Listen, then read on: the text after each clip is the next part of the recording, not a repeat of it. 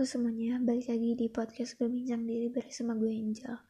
Kali ini gue pengen bahas lagi sesuatu yang mungkin sedang lo rasain atau pernah lo rasain yaitu tentang kekhawatiran. Kita sebagai manusia tidak lepas dari yang namanya tentang pikiran, berpikir dan merasakan rasa ketakutan, cemas, dan khawatir tentang hal-hal yang belum terjadi di masa depan atau yang sedang kita pikirkan kekhawatiran ini meliputi banyak hal yang menurut gue bisa dari ketika lo kekhawatiran dari masalah percintaan bisa kekhawatiran dalam masalah ekonomi juga per, kekhawatiran saat menjadi orang tua atau aspek keuangan dan segala banyak hal gitu kan. Dan menurut gue kekhawatiran ini sebelum gue bahas gue pengen memberikan uh, pandangan kalau semua kalau semakin banyak lo khawatir terhadap hal-hal di luar kendali lo semakin banyak pula apa ya dampak dari hal tersebut yang tanpa sadar menggerus dari diri lo sendiri. Seperti yang pertama menghabiskan energi pikiran. Ketika lo terlalu banyak khawatir lo terlalu banyak berpikir sehingga aktivitas dan tubuh lo tuh energinya terpakai hanya untuk berpikir yang sebenarnya nggak perlu. Yang kedua menghabiskan uang dan juga uang uang dan juga waktu. Karena ketika lo khawatir lo hanya menghabiskan waktu lo untuk berpikir pada hal-hal yang sebaiknya lo gunakan untuk memecahkan masalah tersebut. Juga kadang kita ketika stres dan khawatir sering kali malah membuat diri kita tuh jauh lebih apa ya kayak memberikan makanan pedas atau makanan-makanan yang membuat kita better dan yang ketiga juga mengganggu kesehatan tubuh karena ternyata menurut penelitian pikiran ini menjadi salah satu bentuk paling besar terhadap tubuh kita. Ketika pikiran kita tidak sehat atau sedang memikirkan banyak hal, tubuh kita akan merespon juga pada pada apa yang kita pikirkan sehingga tubuh kita merasa jauh lebih cenderung ke arah yang tidak sehat. Sebenarnya kita tidak heran bahwa orang yang mungkin sering sakit kepala atau sakit lambung hanya terkadang aspek makanan. Ternyata aspek dari segala macam penyakit itu terutama besar terpengaruh dari pikiran yang kita pikirkan sendiri.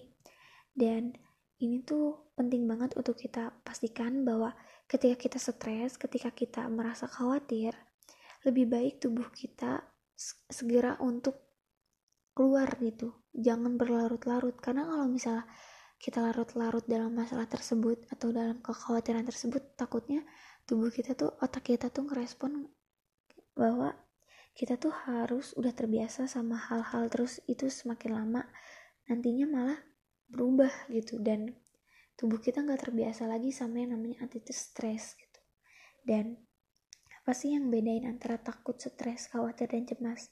Kalau takut itu objek dari apa yang lo takutin tuh jelas. Sedangkan cemas itu adalah sesuatu yang masih belum jelas objeknya apa.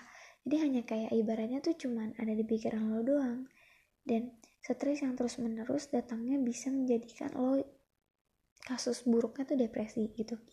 Dan gimana sih caranya kita tuh untuk nggak begitu terlalu cemas dan khawatir terhadap apa yang sedang kita pikirkan? Yang pertama tuh jangan anggap remeh dulu uh, kayak kekhawatiran-kekhawatiran kecil. Coba untuk disadari dipahami kenapa bisa ada pikiran tersebut.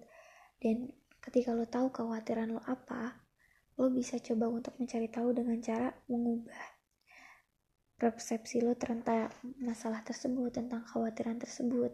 Sehingga nantinya ketika lo bertemu dengan hal-hal yang muncul di otak lo, lo bisa mengendalikannya dengan persepsi lo yang lebih positif. Dan lo pernah dengarkan kalau misalnya kita tuh dalam menggapai apa yang kita ingin atau apa yang ada di sana tuh kita harus yang namanya uh, fokus terhadap apa yang kita lakukan terhadap proses gitu. Dan untuk menghindari rasa-rasa cemas ini kita butuhnya yang namanya manajemen rasa cemas itu sendiri seperti yang tadi gue bilang mengubah persepsi juga bisa juga pada konteks di mana lo sadar bahwa oh iya turning pointnya gue memang sedang berada di daerah kecemasan itu sendiri. Karena kecemasan yang berlebihan akan mengganggu pada kesehatan tubuh juga, juga dalam keseharian dan jangka panjang, sehingga tubuh kita tuh kayak ya udah gitu. Otak lo cuman berpikir di situ doang ketika lo nggak merubahnya merubah semisal dari persepsi lo terhadap suatu masalah terhadap kecemasan lo sendiri.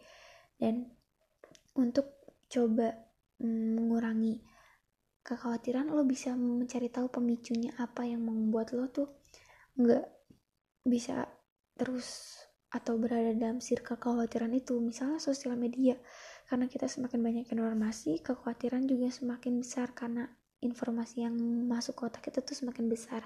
Berarti kita harus mengurangi gitu. Kalau misalnya masalah lo dari sosial media tapi kalau dari masalah yang lain lo bisa coba untuk diatasi dan coba untuk mencatat hal-hal yang membuat kita bahagia. Sekecil hal itu membuat diri kita dan otak kita tuh sadar bahwa selama sehari ini tuh kita ngalami hal-hal yang ternyata membahagiakan. Bahagia nggak harus besar sesimpel lo bisa makan enak atau lo ngobrol dengan punya teman baru dan segala halnya gitu. Dan gue kan pernah bilang kalau untuk mencoba mm, memandang segala sesuatu tuh dari hal yang positif dari hal yang sekiranya ngebantu diri lo untuk jauh lebih maju tapi ya untuk mencapai eh, cita-cita atau untuk mencapai goals untuk mengatasi hal-hal yang rasanya cemas dan takut di masa depan sering kali positive thinking ini juga bisa memicu uh, kita untuk menipu diri kita sendiri, menipu pikiran kita, seolah-olah beranggapan bahwa uh, apa yang kita inginkan tuh sudah tercapai. Jadi kapasitas kita untuk ulet tuh jadi terkurang, berkurang gitu. Nah, positive thinking ini sebenarnya bisa menjadi hal yang memicu lo untuk lebih melihat dunia dari segi positif juga, tapi lo harus bisa sadar bahwa di dunia ini tuh ada yang namanya realita juga jadi ketika lo pengen mencapai apa yang lo inginkan lo bisa juga dengan menggabungkan antara positive thinking dengan pemikiran hambatan-hambatan apa aja yang akan lo laluin. Seperti kayak cemas tadi pun lo bisa dirubah dengan mengubah persepsi lo terhadap hal tersebut. Dan gak hanya memandang semua dari positif aja atau dari hal negatif aja. Dan pengamatan kita jadi lebih terbuka terhadap segala sesuatu dari pikiran kita sendiri. Dengan adanya perasaan bahwa mementingkan hal-hal yang bisa kita kendalikan menjadi salah satu poin penting untuk bisa mencapai goals dan mengurangi kecemasan-kecemasan yang kita punya gitu karena semakin kita cemas terhadap satu hal semakin kita merasa bahwa kita tidak melakukan apa-apa dan tujuannya semakin memperburuk kita dengan berpikir berlebih. Dan gimana caranya untuk kita tuh bisa menghadapi masa-masa sulit dari hal-hal tersebut. Yang pertama, ya kita harus tahu dulu apa definisi dari emosi-emosi negatif yang mungkin muncul akibat kita terlalu berlebihan dalam menanggapi sesuatu. Seringkali kita di era sosial media ini menanggapi sesuatu secara berlebihan, sehingga menguras atensi kita terhadap hal tersebut. Juga membuat kita jadi sadar bahwa kita ini harusnya tuh bisa memfokuskan dan memikirkan segala sesuatu yang memang harusnya itu enggak enggak terpacu apa terkontaminasi dengan pikiran-pikiran yang sebelumnya belum tentu terjadi gitu. Lo bisa mengantisipasinya dengan melakukan apa yang lo bisa lakukan sekarang gitu. Dan tujuan utamanya hidup dengan emosi yang terkendali sehingga nanti lo akan jadi orang yang lebih dewasa dalam berpikir dan lebih mampu mengendalikan diri lo sendiri. Seringkali hal-hal tersebut terjadi karena kita tuh gak selaras dengan fitrah kita. Kadang kita tuh memaksakan kehendak kita, sedangkan apa yang terjadi itu belum tentu semuanya ada di kehendak kita manusia tuh amat sangat terbatas tentang segala hal dan kita nggak bisa memaksakan semua hal untuk menjadi sesuatu yang kita inginkan semakin kita memaksakan hal tersebut semakin pula kita merasakan yang namanya ketidaknyamanan. Karena memang gak sesuai dengan apa yang kita bisa kendalikan. Setiap hari kayak misalnya kita setiap hari bertemu dengan orang yang mungkin menjengkelkan yang bisa kita lakukan adalah ya udah gitu mengendalikan persepsi kita. Dan kita nggak memaksakan orang lain untuk sesuai dengan apa yang kita inginkan. Semakin kita memaksakan sesuatu di luar kendali kita semakin kita merasakan emosi kita sendiri merasakan makin kecewa sendiri. Karena memang kita terbatas dan harus ditekankan bahwa manusia penuh dengan segala macam keterbatasan yang memang harus disadari.